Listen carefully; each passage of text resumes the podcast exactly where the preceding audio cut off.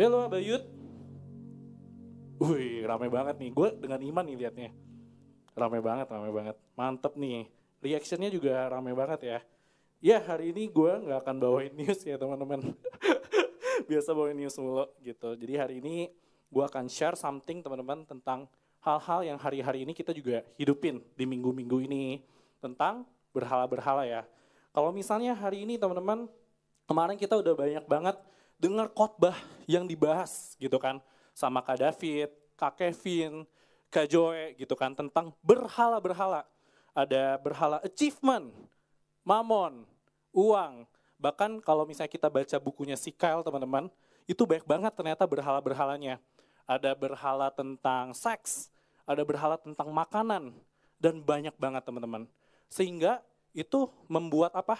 Membuat kita semakin sadar guys tentang oh ternyata bahwa berhala itu tuh nggak sekaku ini adalah patung dan gue sembah itu. Itu salah satu berhala. Tapi ternyata berhala itu beraneka ragam. Bahkan berhala-berhala itu teman-teman ada yang kita sadarin, ada juga yang tidak kita sadarin teman-teman. So hari ini kita sangat aware tentang berhala di satu bulan terakhir ini gitu. Tapi hari ini teman-teman, the, uh, the question is gini, kita dengerin itu setiap hari Sabtu, bener gak ya? Gitu kan? Oh iya kita bersama-sama dengan teman-teman komsel, kita dengerin kebenarannya itu dan lain-lain. Tapi hari ini gini teman-teman, gue pengen ingetin ada satu hal yang paling esensi gitu. Sebenarnya waktu kita dengerin hal-hal ini, the question is apakah hari ini kita sungguh-sungguh hidupin? Kita sungguh-sungguh hidupin di setiap harinya kita. Apa jangan-jangan kita hari ini cuma dengerin firmannya itu di setiap hari Sabtunya aja, tapi habis itu lupa gitu. Besoknya amnesia tiba-tiba. Kurang lebih kayak gitu. Nah hari ini teman-teman gue pengen ingetin, peperangan yang sesungguhnya itu bukan the moment waktu kita hadir di sini, dengerin khotbah, ya nih gue udah effort nih kak, luangin waktu gue, terus gue habis ini gue mau dengerin uh, cerita dan kebenaran firman dan gue mau ya udah gue mau dengerin gitu gue udah jadi anak baik gue udah jadi anak Kristen No teman-teman, nggak cuma sampai situ.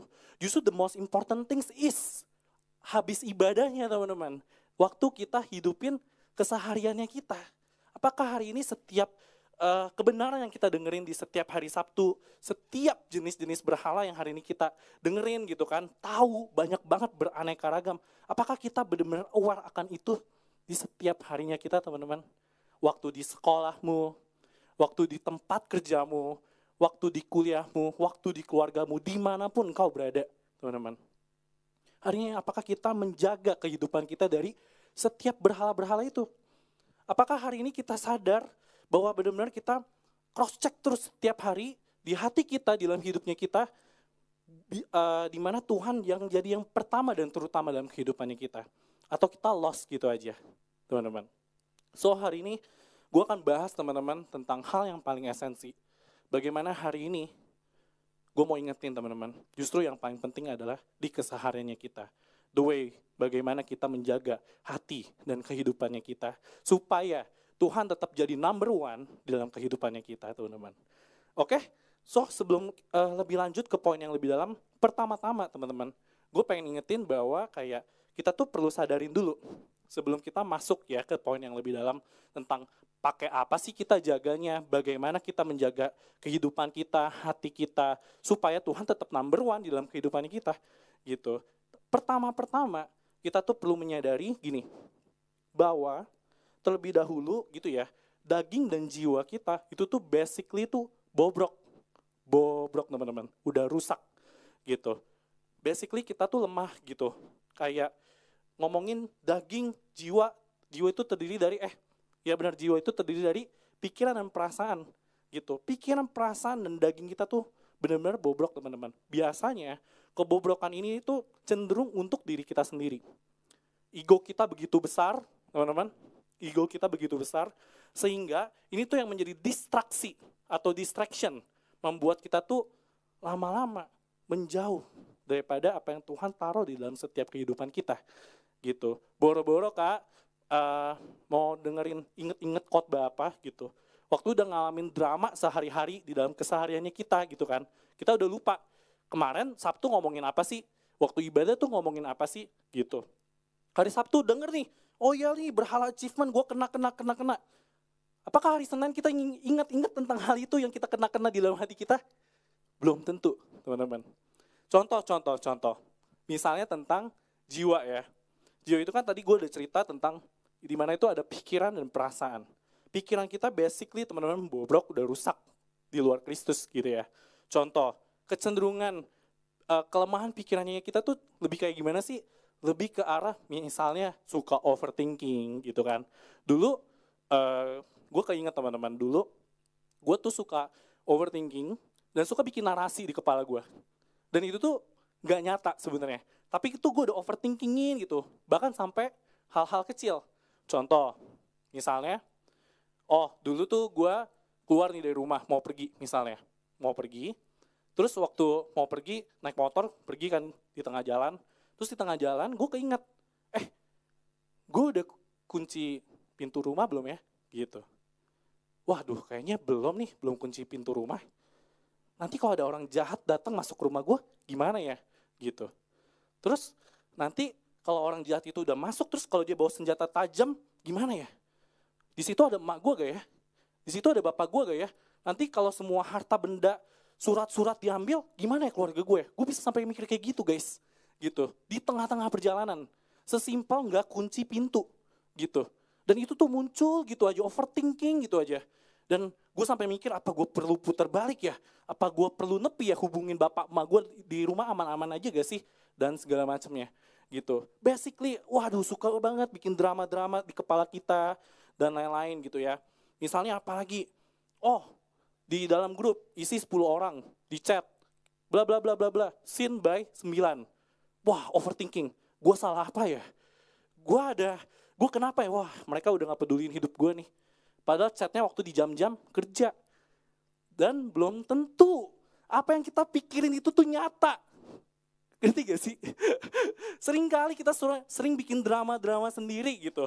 Padahal, padahal kebenarannya tuh nggak nggak nggak benar gitu loh. Namanya juga overthinking, namanya juga asumsi gitu. Dan ternyata Indian malamnya baru SBB, SBB, SBB dan segala macam. Tapi overthinkingnya udah jalan duluan. Atau enggak lagi jalan nih teman-teman gitu ya. Terus habis itu pengen misalnya gue pengen nyapa Ocep gitu kan. Terus tiba-tiba waktu gue jalan, wih Ocep jutek amat gitu. Terus gue mikir, kenapa nih? Kenapa sama Ocep nih?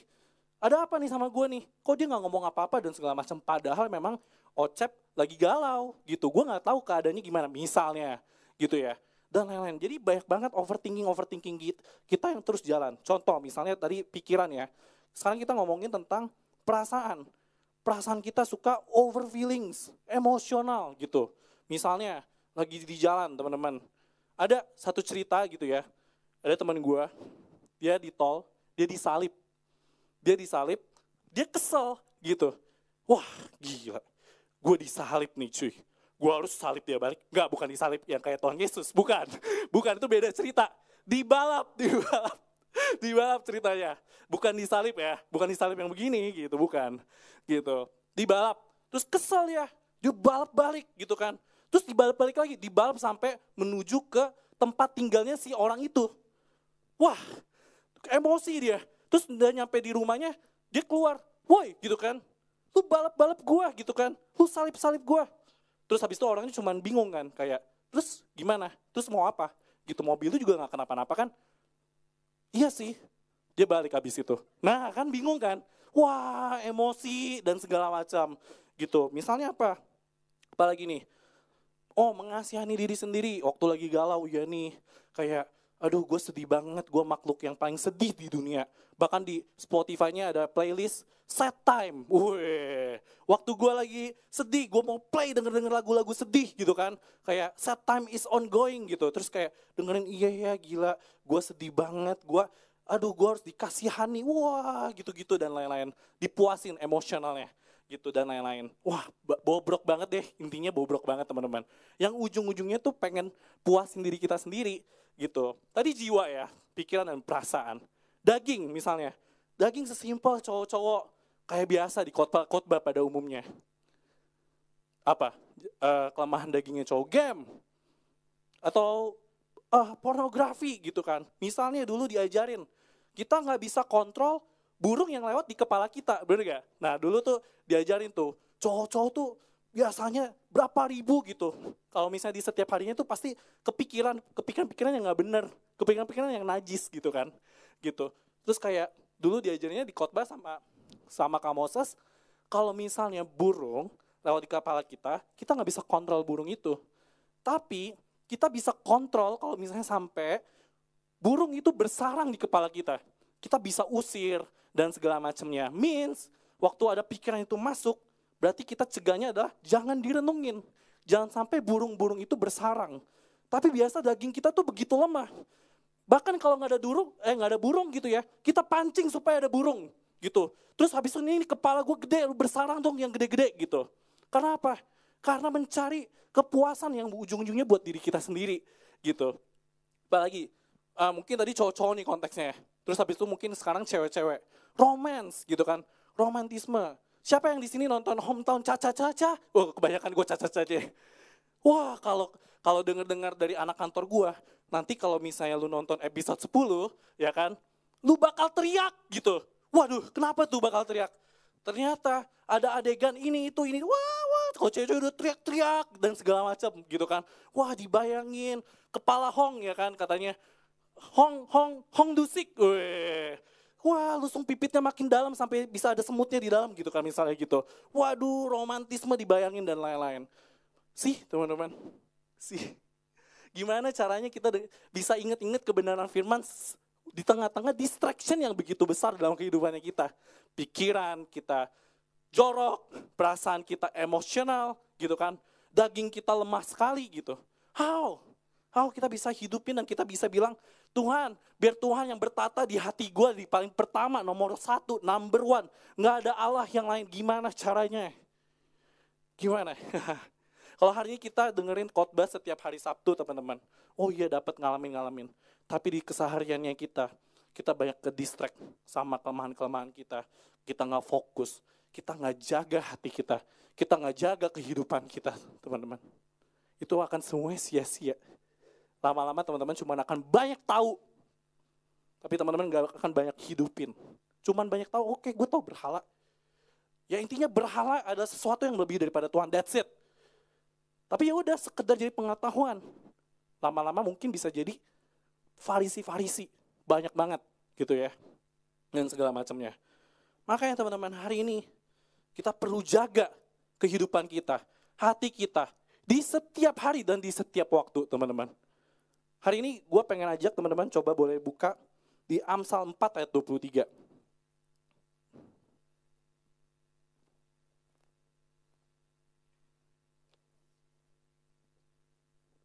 Teman-teman Mumet boleh bantu gue.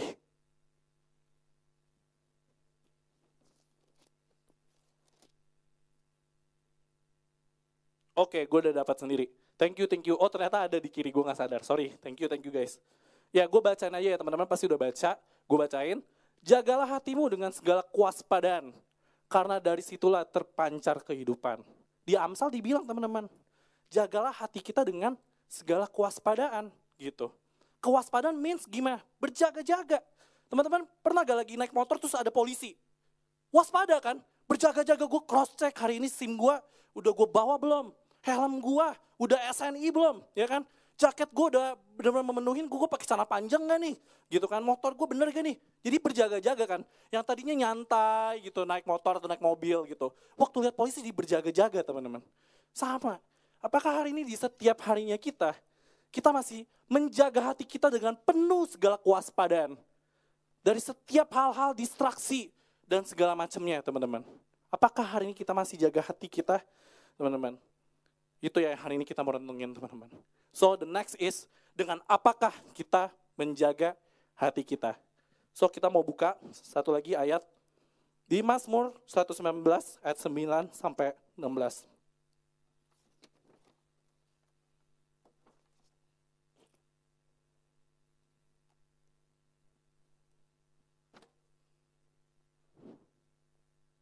Yang udah ketemu katakan amin. Amin. Oke, udah banyak banget yang ketemu nih. Oke, gue bacain aja satu-satu ya teman-teman. Satu, dua, tiga.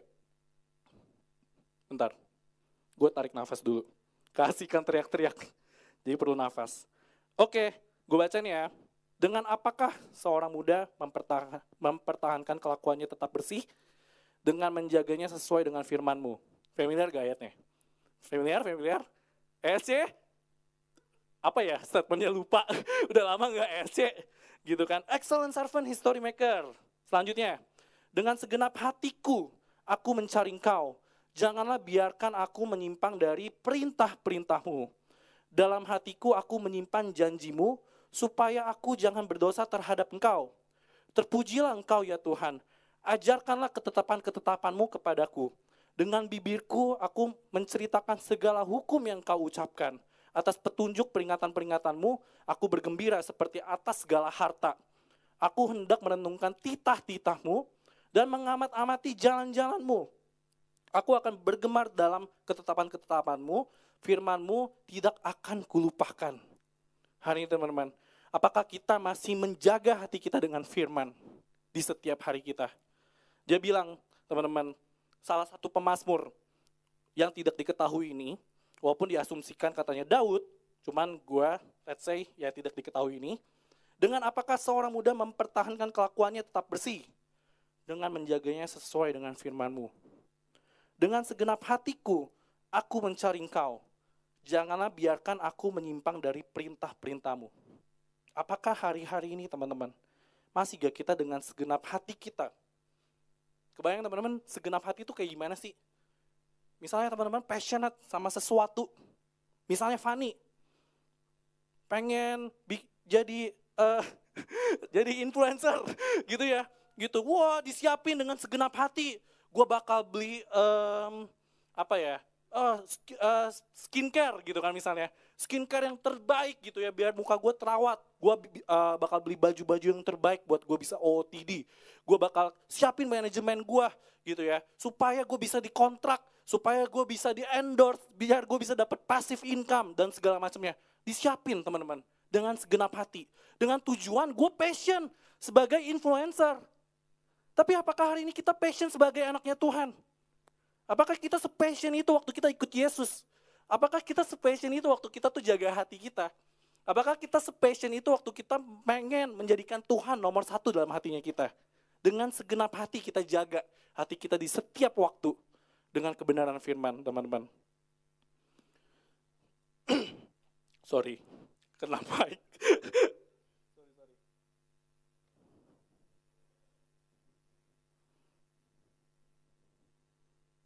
sorry teman-teman, bentar ya, gue baca dikit. ya, oke. Okay. Ya, terus habis itu bukan diri dia diary ya.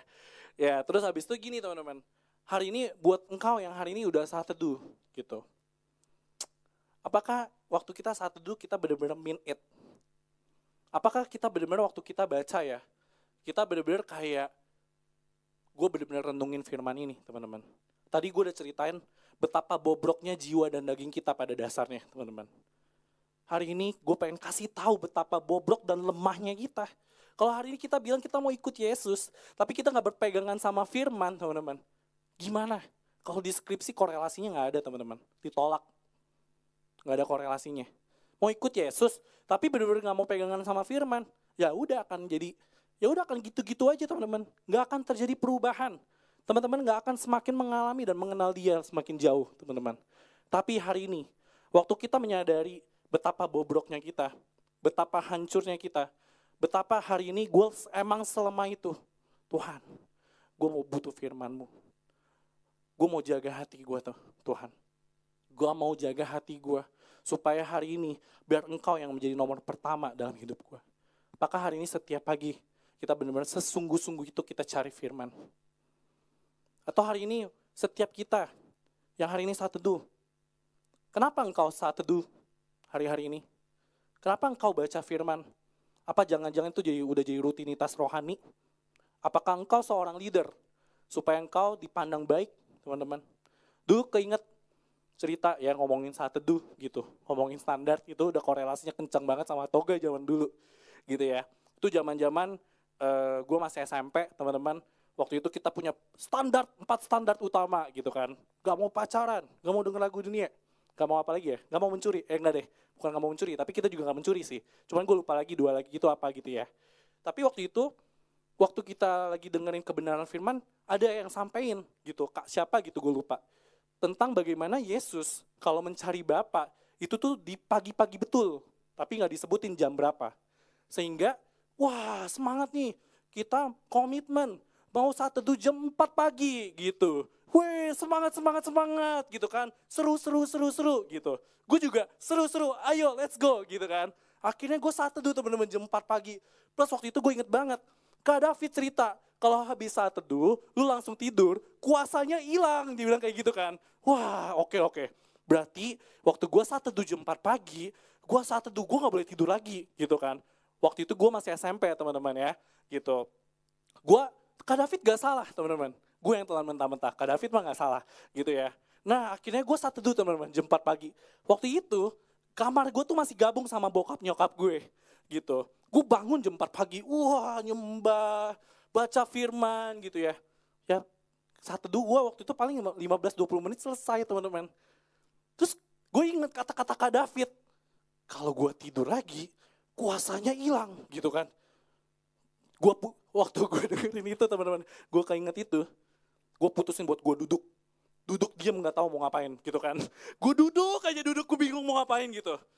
Terus tiba-tiba mama gue kebangun gitu kan. Ngapain kamu? Oh iya kak, eh, oh iya kak lagi. Oh iya mak, gitu kan. Oh iya mak gitu. Ada, jadi kalau kata kak David, kalau misalnya habis saat teduh, tidur lagi, kuasanya hilang. Gue langsung diomelin, sesat tuh, sesat gitu kan. Hah sesat? Iya kuasanya hilang. Dari mana firmannya, dari mana firmannya gitu kan.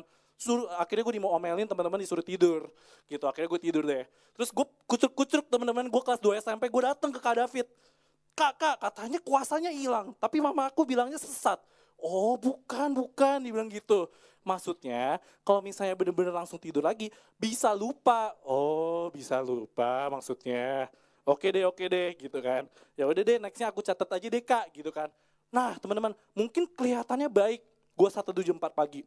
Tapi apakah itu lahir dari hati gue? Apakah gue itu kerinduan gue dari dalam hati gue? Atau gue cuma FOMO? Atau gue cuma mau ikut-ikutan? Ikut-ikutan hype rohani, teman-teman. Hari ini kalau foundation kita cuman ikut-ikutan, cuman rutinitas, cuman sekedar jalanin, teman-teman gak akan banyak dapetin, teman-teman. Tapi hari ini gue pengen ingetin satu esensi. Waktu kita bener-bener datang, kita cari firman karena kita tahu kita nggak kuat, kita nggak bisa jalanin hidup. Drama kehidupan ini begitu keras teman-teman. Hometown Caca-Caca mungkin 16 episode. Terus habis itu Squid Games 9 episode gitu ya. Hidup kita berpuluh-puluh episode, berseason-season. Yang nonton cuma satu Tuhan yang setia sama drama kehidupannya kita.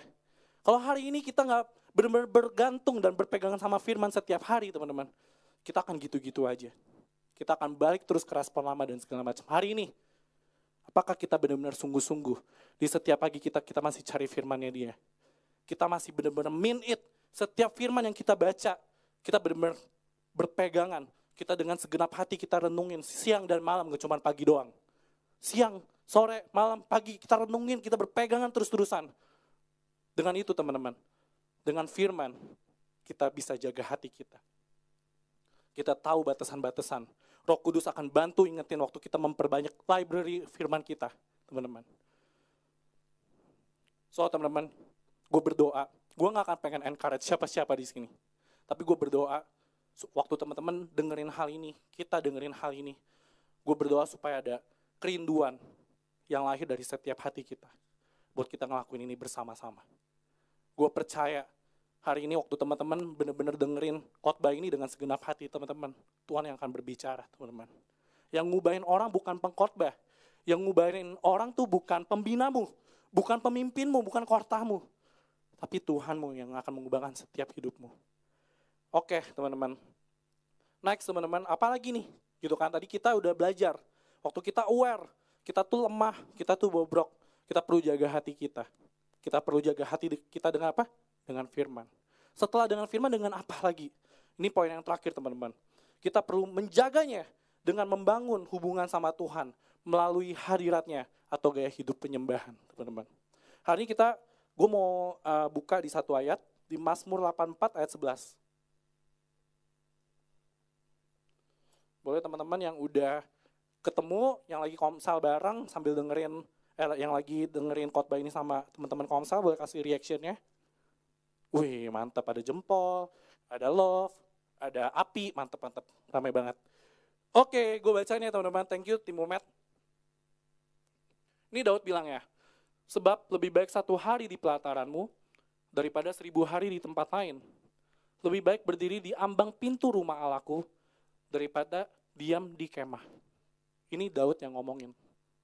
Di kemah orang fasik. Gitu ya. Ini Daud yang ngomong gitu. Dia bilang, lebih baik gue satu hari di pelatarannya Tuhan daripada seribu hari di tempat lain. Ini ada lagunya bener gak sih? Teman-teman, udah sering denger kan di komsel? Lebih baik satu hari di pelataranmu daripada seribu hari di tempat lain memujimu, menyembahmu, kawalah yang hidup dan menikmati semua kemurahanmu, gitu. Hari ini, kenapa Daud bisa ngomong kayak gitu, teman-teman? Karena Daud tahu yang bisa muasin dia, yang bisa isi kehidupan dia cuma Tuhan. Bukan hal-hal yang lain, teman Tuhan, teman-teman. Hari ini kenapa bisa ada berhala? Kenapa tadi udah disebutin berhala uang, berhala achievement, berhala prestasi, berhala seks, berhala makanan, dan segala macam. Kenapa bisa ada teman-teman? Karena simply kita mencari kepuasan yang nggak akan pernah ada habisnya. Kita mencari kepuasan yang selalu bocor. Makanya berhala-berhala itu ada gitu. Dulu orang Israel nggak ketemu Tuhan dan ngalamin Tuhan. Dia bikin patung. Itu awal mula berhala. Karena apa? gak menemukan sesuatu yang bisa muasin hatinya kita. Kita cari di tempat lain. That's why hari ini kita ada berhala-berhala yang begitu banyak di dalam setiap hatinya kita. Ada berhala-berhala yang jadinya terbentuk gara-gara kita tidak menemukan sumber kepuasannya kita. Hari ini, apakah di setiap harinya kita teman-teman, kita masih bangun hubungan intimasi kita sama Tuhan. Kita masih bangun uh, perjumpaan sama Tuhan melalui hadiratnya dia dengan apa? Dengan memuji, dengan menyembah dia, dengan kita apa adanya sama Tuhan di dalam hadiratnya Tuhan. Waktu kita worship gitu ya, kita benar-benar renungin setiap lirik Tuhan benar ya, Tuhan tuh yang diagungkan ya, Tuhan tuh yang paling besar ya. Iya ya bener ya, gue gak bisa hidup tanpa Tuhan ya. Itu yang membuat teman-teman tuh semakin dekat dan intim juga sama Tuhan. Sama hadiratnya Tuhan. Teman-teman akan semakin mengalami dan mengenal dia di dalam hadiratnya dia. Apakah hari ini teman-teman, kita masih mencari kepuasan-kepuasan di tempat lain? Waktu hari ini kita ngalamin masalah, apakah kita mencari game kita? Kita mencari drama Korea kita? Kita mencari makanan kita? Apakah kita hari ini udah lupa sama semua segalanya yang Tuhan udah berikan? Gue keinget teman-teman ada uh, cerita tentang perempuan Samaria. Gue gak akan buka ayat, cuman gue akan summarize ceritanya aja. Waktu itu Yesus lagi berjalan sama 12 muridnya. Uh, singkat cerita, uh, eh, 12 muridnya lagi cari makan, 12 muridnya pergi ke desa buat dapetin makanan. Dan Tuhan Yesus menunggu di sebuah sumur. Karena Tuhan Yesus tahu sebentar lagi nih bakal ada seorang perempuan yang bakal datengin tuh sumur gitu ya. Terus habis itu benar, tiba-tiba ada datang nih perempuan Samaria gitu. Terus singkat cerita teman-teman, Tuhan minta air sama perempuan itu. Dan perempuan itu uh, mau kasih, kurang lebih gitu ya. Dan habis itu Tuhan Yesus ngomong, kalau lu minum air yang ada di sumur ini, lu akan haus lagi. Tapi waktu lu minum air yang daripada gua, lu gak akan pernah haus lagi. Long story short, singkat cerita teman-teman. Tuhan lu buatin dia. Lu memang uh, punya satu suami, tapi lu punya ekstra-ekstra yang lebih lagi lima orang lagi. Hari ini lu mau gak minum air yang daripada gue, bukan hal yang lain. Perempuan Samaria itu punya lima orang simpanan yang lainnya teman-teman. Itu melambangkan sumur-sumur yang bocor. Dia mencari kepuasan yang sia-sia. Makanya nggak cukup lima. Mungkin bisa sepuluh one day kalau nggak ketemu Tuhan. Tapi apa yang kita lihat dari perempuan Samaria itu, waktu dia terima air itu, dia terima apa yang Tuhan Yesus omongin. Breakthrough teman-teman, dia menangin satu kampung. Dia ngalamin perjumpaan yang sesungguhnya. Dia mengalami kepuasan yang sesungguhnya. Memang cuma daripada Tuhan. Teman-teman tahu gak sih, gue kadang-kadang ngebayangin kayak Yesus waktu ngeliat kita tuh menyembah berhala. Kayak gimana sih? Gue ngebayangin ya teman-teman, coba bayangin kalau teman-teman punya adik yang kecil gitu. Atau enggak teman-teman punya anak one day, bayangin aja dulu, aminin aja dulu gitu ya. Gitu. Bayangin teman-teman tuh sayang sama anak ini gitu. Sayang banget. Terus teman-teman konteks ceritanya gue bikin dulu ya ceritanya ya. Konteks ceritanya anak ini tuh nggak pernah makan daging gitu. Terus makannya sayur, brokoli, toge, brokoli, toge setiap hari gitu. Terus teman-teman rindu gitu kayak, ini anak nih mesti ketemu daging gitu. Ini daging yang ter terbaik dan segala macam. Karena apa? Teman-teman sayang sama anak ini. Gitu. Dan hari habis itu teman-teman memutuskan buat teman-teman ajak teman uh, anak ini gitu ya, adik ini gitu. Buat ke satu resto daging, buat kita tuh uh, uh, gua kita kita gitu kan. Kita pengen anak ini tuh kayak uh, benar-benar ngalamin daging yang terbaik. Kita udah kayak bayar satu juta plus plus misalnya medium rare dan segala macamnya stick yang terbaik gitu kan dan lain-lain gitu. Waktu ha habis kita pesan dan stick itu dihidangkan ke meja gitu ya. Kita udah menanti-nantikan nih. Wah, ini anak nih bentar lagi bakal ngalamin, bakal ngerasain daging yang terbaik, medium rare dan lain-lain, stick yang terbaik dan lain-lain gitu ya. Terus tiba-tiba out of nowhere, tiba-tiba anak itu nggak makan makanan yang udah dihidangin tapi dia keluarin makanan yang ada di sakunya dan ternyata itu daging juga. Dan dagingnya itu udah benar-benar udah daging busuk. Dan anak itu lebih memilih daging yang ada di kantongnya. Out of nowhere. Tiba-tiba. Tiba-tiba dan kayak anak itu benar-benar nyentuh makanan di meja itu dan dia makan daging yang ada di sakunya. Mungkin gue kadang-kadang ngebayangin gue sedih banget gitu. Kenapa anak ini bisa makan daging yang udah kotor dalam sakunya itu? Mungkin gue ngerasa kayak kebayang kadang-kadang Tuhan ngeliat kita kayak gitu kali. Tuhan udah kasih yang terbaik. Tuhan udah kasih, sudah siapin sumber-sumber yang memang hari ini kita butuhkan. Tapi kita cari yang lain. Out of nowhere. Tuhan juga bingung kali. Kenapa gue bisa cari ke sana? Kenapa gue juga bisa cari ke situ? Kenapa gue bisa cari sumber yang lain? Dan segala macamnya. Hari ini teman-teman, remember teman-teman. Berhala-berhala di luar daripada Tuhan. Nggak akan pernah bisa memuaskan kita. Nggak akan pernah bisa mengisi kekosongan hati kita teman-teman. Dan terakhir gue close teman-teman. Waktu kita baca firman, waktu kita tadi aware ya, sorry gue ulang lagi. Waktu kita aware, kita bobrok, kita mau uh, kita uh, daging kita, jiwa kita tuh bobrok banget gitu ya. Udah rusak, lemah gitu. Kita menyadari ya, kita butuh firman. Supaya apa? Supaya kita bisa menjaga hati kita dengan segala kewaspadaan. Supaya kita bisa jaga benar-benar Tuhan yang jadi nomor satu dalam hatinya kita dan kita belajar buat bangun intimasi sama Tuhan di dalam hadiratnya. Kita bangun, kita nyembah dia, kita memuji nama dia, kita berdoa, kita bisa datang apa adanya. Kita cari sumber dari segala sumber yang tepat. Waktu teman-teman hari ini kita melakukan itu, yang lahir dari hatinya kita teman-teman. Itu teman-teman, itu nggak akan membuat kita semakin spesial di matanya Tuhan. Enggak. Hal itu teman-teman, nggak akan membuat kita semakin spesial di matanya Tuhan tapi kebalik teman-teman. Itu yang akan membuat Tuhan yang semakin berharga di matanya kita. Waktu kita mengalami itu, namanya teman-teman kita mengalami pengenalan dan perjumpaan sama dia. Waktu kita semakin mengalami, waktu kita semakin mengenal dia, teman-teman. Udah automatically kita akan semakin merelakan berhala-berhala yang nyangkut di dalam hati kita. Kita akan rilis. Karena apa? Karena kita menemukan sesuatu yang jauh lebih berharga daripada itu. Apa yang Paulus bilang itu benar. Tetapi segala sesuatu yang aku anggap berharga tadinya telah aku anggap menjadi sampah. Karena apa? Karena pengenalan akan Kristus. Hari ini, teman-teman, siapa yang menjadi pertama dan utama dalam hidupmu? Siapa yang menjadi hal yang paling berharga di dalam hidupmu, teman-teman? Mungkin teman-teman profetik boleh siap-siap, boleh siap-siap buat maju teman-teman. Gue terakhir teman-teman, gue akan cerita dengan cerita kehidupan gue, gue akan close dengan cerita gue teman-teman. Pada suatu hari gitu ya, gue lagi, gue uh, waktu itu mau jalan-jalan sama teman-teman komsel, road trip gitu. Wih mungkin ini beberapa, uh, waktu gue cerita ini mungkin beberapa teman-teman komsel langsung aware gitu ya, gitu. Oh ya gue bakal road trip, road trip nyetir di mobil 16 jam on the way-nya gitu gue bagi dua sama uh, anak komsel gue satu lagi gitu. Berarti berapa tuh? 16 jam berarti 8 jam 8 jam gue nyetir gitu. Pulang 12 jam gue nyetir 6 jam 6 jam gitu. Wah tapar banget. Benar tapar banget. Gue pulang di hari Senin teman-teman. Di di hari Senin tuh harusnya gue cuti gitu. Gue udah ajuin cuti gitu.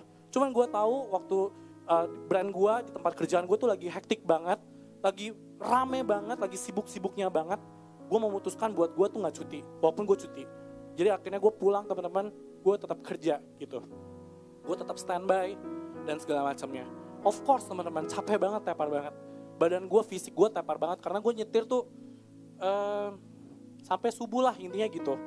Dan gue jadinya nggak tidur gitu. Tidurnya ada tidur cuma tidur ayam lah susah tidur di mobil. Jadi gue tepar banget gue nyampe rumah gue beres-beres gitu ya. Bongkar semuanya cuci mandi siap-siap kerja uh, terus habis itu juga ya udah gue buka laptop gue gue siap-siap buat bekerja di meja kerja gue gitu tiba-tiba waktu gue kerja teman-teman gue ngerasa hati gue tuh kosong gitu gue ngerasa hati gue tuh tiba-tiba suddenly sensitif banget gitu. Waktu gue kerja tuh ada masalah tiba-tiba. Tiba-tiba gue patah semangat. Kayak aduh bisa gak ya? Aduh kayak gak mungkin deh. Terus tiba-tiba gue overwhelmed. Gue bingung banget apa yang terjadi di dalam hati gue. Gue really confused. Kenapa? Kenapa? Gue sampai nangis gitu. Kenapa gue sensitif banget? Gue kenapa kayak begini? Tiba-tiba semuanya kayak surem gitu. Dan lain-lain. Terus singkat cerita, karena gue gak kuat, gue berdoa gue datang sama Tuhan gitu ya Tuhan kenapa yang ada apa yang ada di dalam hati gue gue cuma ungkapin gue yang apa yang ada gue rasakan di dalam hati gue gue kecewa gue marah sama kejadian ini gue sedih sama kejadian ini gue kecewa sama kejadian ini. Gue capek sama drama yang ini. Wah gue ungkapin ternyata itu semua ada di dalam hati gue yang gue nggak pernah sadar itu tumpuk di dalam hati gue gue ngomong sambil gue nangis Tuhan gue nggak sanggup gue nggak bisa. Tanggung jawab gue gede banget gitu. Terus habis itu waktu gue ngomong semuanya hati gue tuh lega gitu. Tapi gue masih questioning kenapa hati gue bisa kayak gitu tiba-tiba? Gitu ya. Gue question terus gue question kenapa ya? Kenapa? Apa apakah gue tuh nggak buang ya selama ini? Gue masih questioning kenapa ya hati gue tiba-tiba kayak begitu? Gitu. Long story short teman-teman satu minggu udah berjalan. Uh, di hari Sabtunya kak Kevin khotbah tentang berhala achievement which is gue waktu gue denger itu ya gue tuh kayak ah enggak lah ini bukan gue banget nih. Oke nih well well bakal jadi informasi yang baru gitu kan udah kayak tengil duluan di awal gitu ya. Karena memang jangan gue bukan di achievement gitu.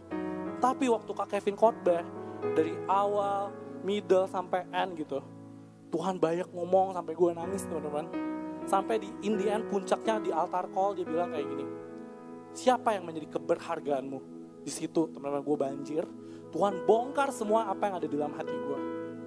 Gue questioning kan soalnya selama satu minggu. Tuhan gue kenapa ya? Apa yang terjadi sama hati gue ya? Kenapa gue begini ya? Tapi di satu titik Tuhan bukain semuanya. Ternyata teman-teman, apa yang terjadi sama hati gue? Itu karena gue menuntut performance gue sebagai leader. Kenapa teman-teman? Karena di gereja gue leader. Di kerjaan gue juga jadi leader, leader brand gitu ya gitu. Di rumah gue jadi peran penting buat memutuskan keputusan besar di keluarga gue. Di mana pun gue berasa kayak tuntutan gue tuh besar sekali gitu. Gue menuntut diri gue gitu. Oh, kenapa teman-teman gak bisa dipungkirin leader itu disorotin hidupnya. Lu gak boleh seakan-akan lu uh, ngelakuin mistake gitu, gak boleh gitu. Lu akan diomongin gitu. Kenapa? Lu leader. Gitu, itu yang masuk ke dalam pikiran gue teman-teman. Gak gampang teman-teman jadi leader. Gak gampang gitu. Jadi korta, korsel, apa pun lah statusnya, gak gampang, gak mudah. Tapi hari ini Tuhan ngomong, hari ini identitasmu itu bukan leader John. Identitasmu adalah anaknya gue. Hari ini gue adalah Allah yang terima lu seutuhnya sampai kelemahan-kelemahan lu. Gue nangis teman-teman, gue nangis. Sedangkan gue gak menerima kelemahan-kelemahan gue tanpa gue sadarin. Ternyata selama ini gue melakukan sesuatu tanpa gue sadarin tuh supaya dikenan sama orang supaya gue menjadi leader yang baik. Tapi hari ini Tuhan bilang, jangan cari perkenanan orang, cari perkenanan aku. Gue nangis teman-teman, jadi gitu. Gue gak sadar ternyata berhala gue adalah performance gue. Selama ini, as a long time, gue pupuk ini sendirian di dalam hati gue. Gue gak sadar itu masuk. Bahkan berhala gue, gue gak menyadari hal itu teman-teman. Gue yang saat teduh tiap hari, kurang apa lagi gitu. Dan gue gak sadar ternyata berhala itu. Dan gue bilang, Tuhan gue memang lemah. Gue gak bisa Tuhan jalan ini semua sendiri. Akhirnya gue dealing tuh teman-teman sama Tuhan. Tuhan hari ini gue sungguh-sungguh melihat kembali bahwa Tuhan adalah Allah yang hidup, yang bongkar dan mengenal seluruh hati gue. Even ada bagian-bagian yang gue nggak tahu di dalam hati gue sendiri. Habis itu teman-teman, gue menyadari gue harus semakin membangun awareness gue, membangun guard gue di dalam hati gue dengan apa? Dengan firman, dengan hubungan sama Tuhan. Setiap pagi gue selalu bilang Tuhan, hari ini gue mau bekerja, gue nggak bisa tanpa lu. Gue butuh kasih karunia Tuhan. Gue percaya di setiap hari ada selalu ada kasih karunia Tuhan yang memampukan gue, yang menyanggupkan gue. Setiap firman gue benar-benar gue pegangin. Dan itu gue jagain hati gue benar-benar teman-teman. Gue menyadari di titik ini. Bahkan ada berhala-berhala yang kita tidak sadarin ada di dalam hati kita teman-teman. Tapi hari ini, waktu kita mau dengan uh, dengan kerendahan hati kita, kita datang sama Tuhan. Tuhan hari ini, gue mau biar engkau doang yang bertata di dalam hati gue. Bukan Allah-Allah yang lain, bukan. Tapi engkau doang. Tuhan hari ini gue mau memberi diri buat gue semakin mengenal lu. Gue mau memberi diri supaya gue semakin intim sama Tuhan. Teman-teman siap-siap. Tuhan akan banyak bongkar dan teman-teman akan mengalami kesembuhan. Terakhir teman-teman, gue akan close dengan satu ayat. Di Matius 6 ayat 21 gue akan langsung bacain aja. Di mana hartamu berada, di situ hatimu berada. Hari ini, apakah di setiap harinya kita kita mau memilih harta yang terbaik. Yaitu Tuhan, teman-teman. Di setiap pagi kita, kita memilih harta yang terbaik, bukan harta yang lain. Kita cari Tuhan, kita bangun hubungan kita sama Tuhan. Yuk kita mau siapin hati kita teman-teman, kita mau renungin satu lagu ini.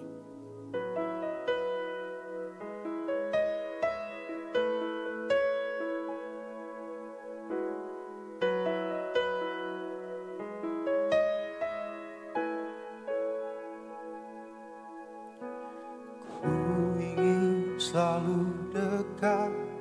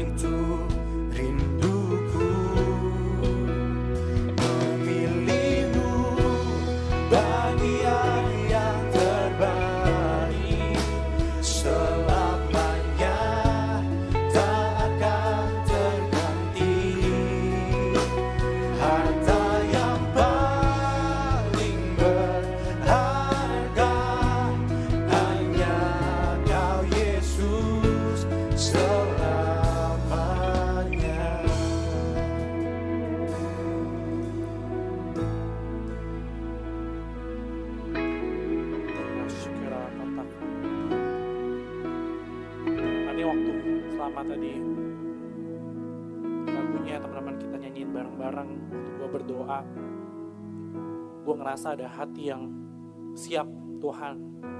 Gue mau memberi diri. Gue benar-benar mau memilih harta yang terbaik di setiap harinya gue Tuhan. Gue sadar gue lemah. Gue sadar jiwa dan daging gue begitu lemah. Tapi hari ini karena kesadaran itulah gue mau menjaga kehidupan gue dengan firman. Menjaga kehidupan gue dengan intimasi sama engkau. Gue mau bangun hubungan gue lebih lagi. Supaya engkau benar-benar Allah yang bertata di dalam setiap hati gue. Hari ini buat teman-teman yang ngerasa gue orangnya kan, gue mau jaga hati gue. Hari ini teman-teman boleh taruh tangan di atas dadamu di setiap rumahmu, di setiap ru ruanganmu. Hari ini nggak apa-apa, walaupun situasi kondisi nggak runyam dan segala macam hari ini, it's all about your heart with God. Gue berdoa hari ini kami berdoa, kami melihat ada tangan-tangan yang terangkat Tuhan Kau lihat setiap hati anak-anakmu yang mau memberi diri sungguh-sungguh buat mengikut engkau. Yang memberi sungguh-sungguh untuk menyiapkan hatinya biar engkau isi keseluruhannya. Biar engkau cuma yang menjadi nomor pertama dan terutama dalam setiap hati dan pikiran dan seluruh kehidupan anak-anak ini Tuhan. Tuhan hari ini ada kasih karuniamu yang menyanggupkan. Kau yang tunjukkan kau bahwa kau ada Bapa yang hidup. Kau yang setia sama setiap perjalanan mereka. Sampai di titik every moment, every time mereka akan semakin melihat bahwa engkau benar-benar sungguh harta yang terindah. Terima kasih Tuhan, kami serahkan semuanya sama